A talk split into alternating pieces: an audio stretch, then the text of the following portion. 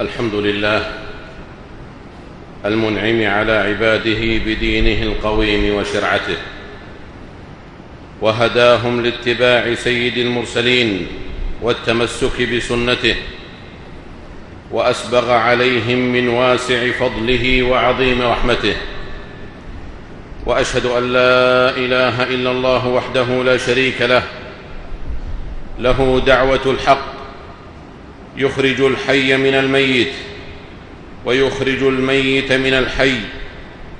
يسبح له الليل إذا عسعس والصبح إذا تنفس. وأشهد أن محمدا عبد الله ورسوله سيد المرسلين وقائد الغر المحجلين. بلغ الرسالة وأدى الأمانة ونصح الأمة.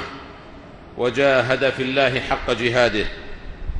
فصلوات الله وسلامه عليه وعلى آل بيته الطيبين الطاهرين وعلى أزواجه أمهات المؤمنين وعلى أصحابه والتابعين ومن تبعهم بإحسان إلى يوم الدين وسلم تسليما كثيرا.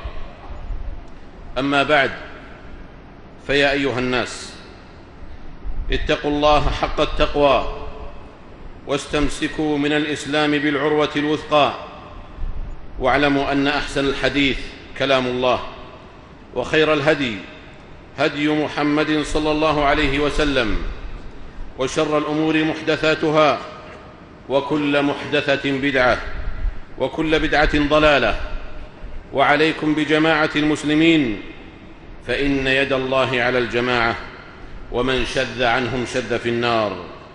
ومن يشاقق الرسول من بعد ما تبين له الهدى ويتبع غير سبيل المؤمنين نوله ما تولى ونصله جهنم وساءت مصيرا. عباد الله الإنسان الناجح الموفق هو ذلكم الشخص الذي امن, آمن بربه جل وعلا. وصدق برسوله صلى الله عليه وسلم وجعل الإسلام قائدة ودليله إلى فعل الحسن واجتناب القبيح وجعل من هذا الشعور المتكامل معيارا يميز به الخبيث من الطيب والزين من الشين.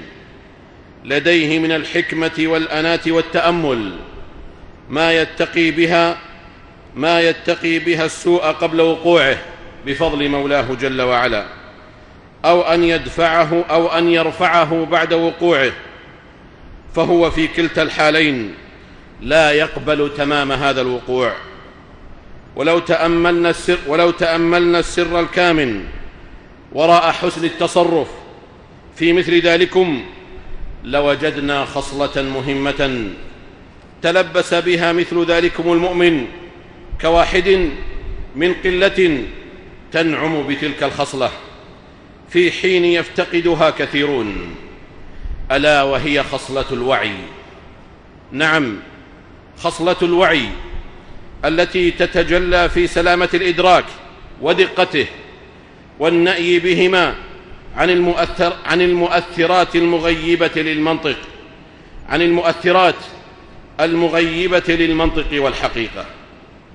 والذي يمكن من خلالها قراءة ما بين السطور ووضع النقط على الحروف لأن الوعي أمر زائد على مجرد السمع والإبصار.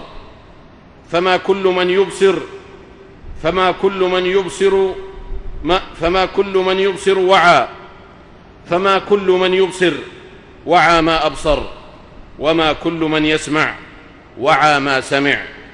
لأن الله جل وعلا يقول لنجعلها لكم تذكرة وتعيها أذن واعية. فالوعي عباد الله مرتبة أعلى من مرتبة الإحساس السمعي والبصري.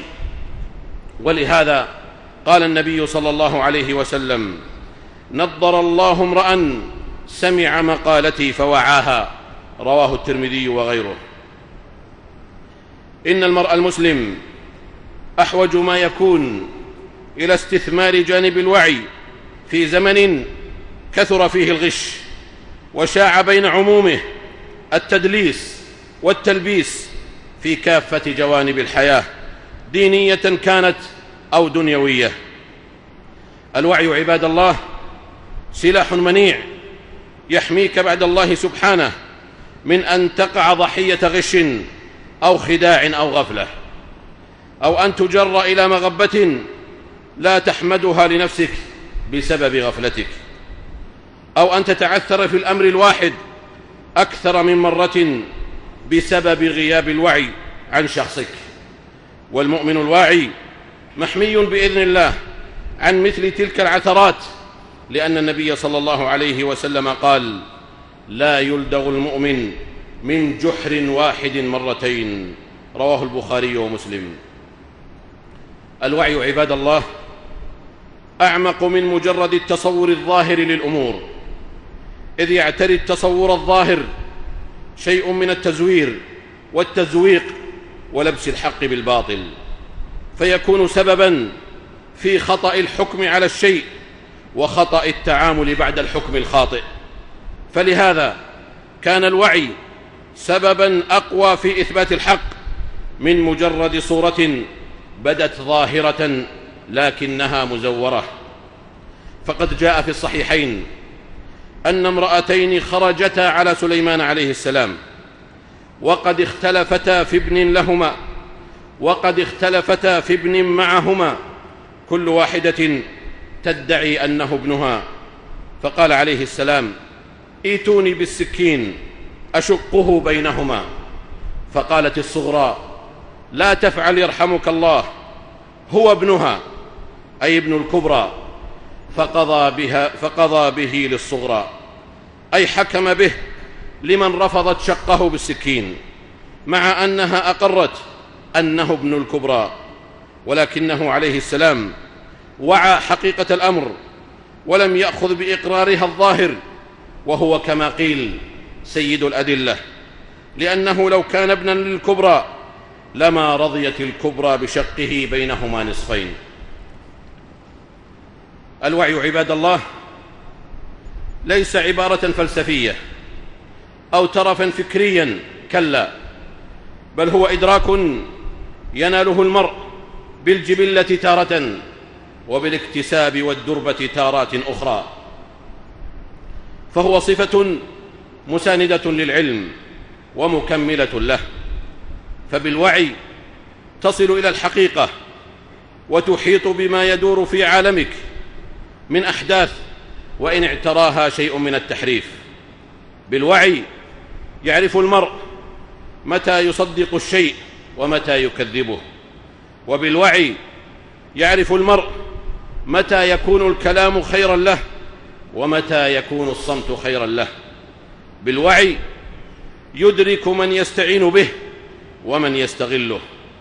وبالوعي عباد الله يتصور القضايا ويجمع شتاتها ليكون حكمه على الشيء فرعا عن تصور حقيقته. فلا يعجل بالحكم لمن فقئت إحدى عينيه حتى يسمع من الآخر إذ قد تكون فقئت عيناه كلتاهما. ولقد أحسن من قال وهبني قلت هذا الصبح ليل ايعمى العالمون عن الضياء؟ الوعي عباد الله ليس اعمالا لسوء الظن ولا تكلفا لما وراء الحقيقة وليس هو رجما بالغيب ولكنه كياسة وفطنة ناشئتان عن سبر الأمور ومعرفة أحوال الناس واطلاع وافر على الأحداث بالنظر الدقيق الذي لا يغالطه بهرجة ولا إغراء وهو في حقيقته سلاح قد تحتاجه للهجوم وقد تحتاجه للدفاع. وأكثر ما يوقع المرء فريسة للمكر والخداع قلة وعيه أو عدمه بالكلية. ورحم الله الفاروق رضي الله عنه حيث قال لست بخب والخب لا يخدعني. إذا قل وعي المرء يوما فإنما يتيه عن الحق الصريح ويغفل. ومن كان ذا وعي سوي فقد يرى. بذلك حقا ليس بالوعي يجهل. فاحرص أيها المسلم على أن تكون لبنة واعية من لبنات المجتمع. لكي تحسن المسير وتتقن العمل والتعامل في النهوض بمجتمعك. من السيء إلى الحسن ومن الحسن إلى الأحسن.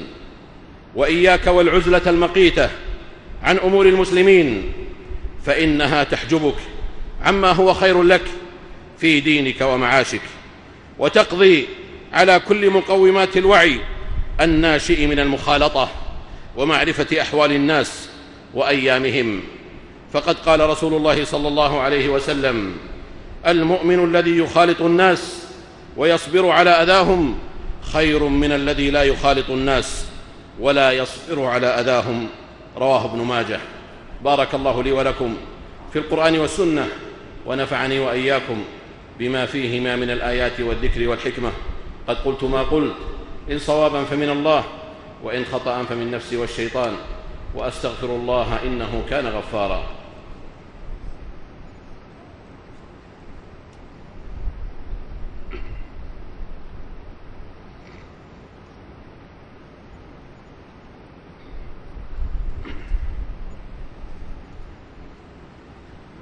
الحمد لله على إحسانه والشكر له على توفيقه وامتنانه.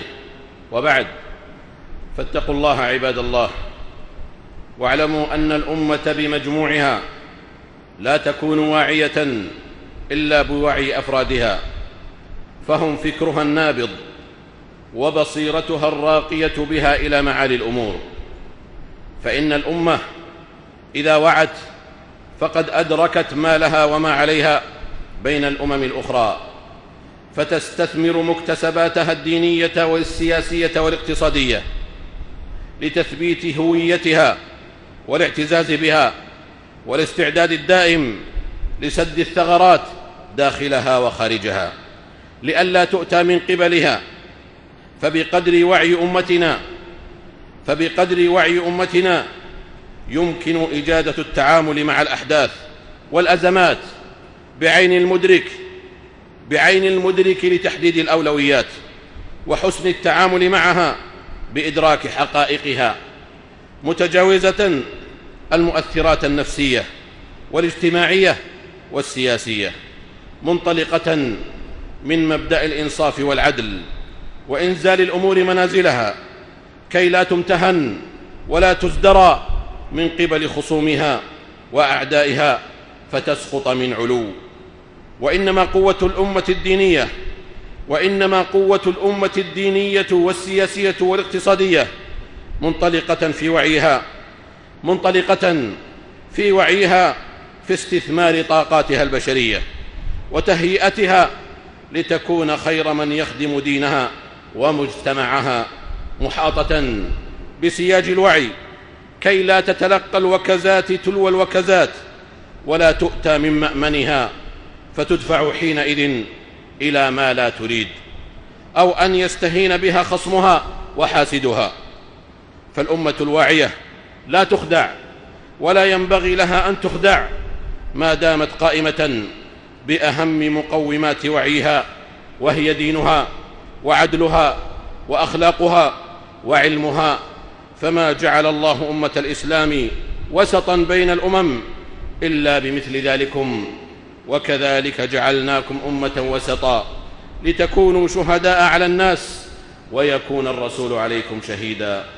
هذا وصلوا رحمكم الله. على خير البرية وأزكى البشرية. صاحب الحوض والشفاعة. فقد أمركم الله بأمر بدأ فيه بنفسه. وثنى بملائكته المسبحة بقدسه. وايه بكم أيها المؤمنون فقال جل وعلا يا أيها الذين آمنوا صلوا عليه وسلموا تسليما. اللهم صل وسلم على عبدك ورسولك محمد صاحب الوجه الأنور والجبين الأزهر وارض اللهم عن خلفائه الأربعة أبي بكر وعمر وعثمان وعلي وعن سائر صحابة نبيك محمد صلى الله عليه وسلم وعن التابعين ومن تبعهم بإحسان إلى يوم الدين. وعنا معهم بعفوك وجودك وكرمك. يا أرحم الراحمين. اللهم أعز الإسلام والمسلمين. اللهم أعز الإسلام والمسلمين. اللهم أعز الإسلام والمسلمين. واخذل الشرك والمشركين. اللهم انصر دينك وكتابك وسنة نبيك وعبادك المؤمنين. اللهم فرج هم المهمومين من المسلمين. ونفس كرب المكروبين. واقض الدين عن المدينين واشف مرضانا ومرضى المسلمين برحمتك يا أرحم الراحمين. اللهم آمنا في أوطاننا وأصلح أئمتنا وولاة أمورنا واجعل ولايتنا في من خافك واتقاك واتبع رضاك يا رب العالمين. اللهم وفق ولي أمرنا لما تحبه وترضاه من الأقوال والأعمال. يا حي يا قيوم. اللهم أصلح له بطانته يا ذا الجلال والإكرام. اللهم أصلح أحوال المسلمين في كل مكان. اللهم أصلح أحوال المسلمين في كل مكان. اللهم أصلح أحوال المسلمين في كل مكان. اللهم كن لإخواننا المضطهدين في دينهم في سائر الأوطان. يا ذا الجلال والإكرام. يا حي يا قيوم. ربنا آتنا في الدنيا حسنة وفي الآخرة حسنة وقنا عذاب النار. سبحان ربنا رب العزة عما يصفون وسلام على المرسلين وآخر دعوانا أن الحمد لله رب العالمين.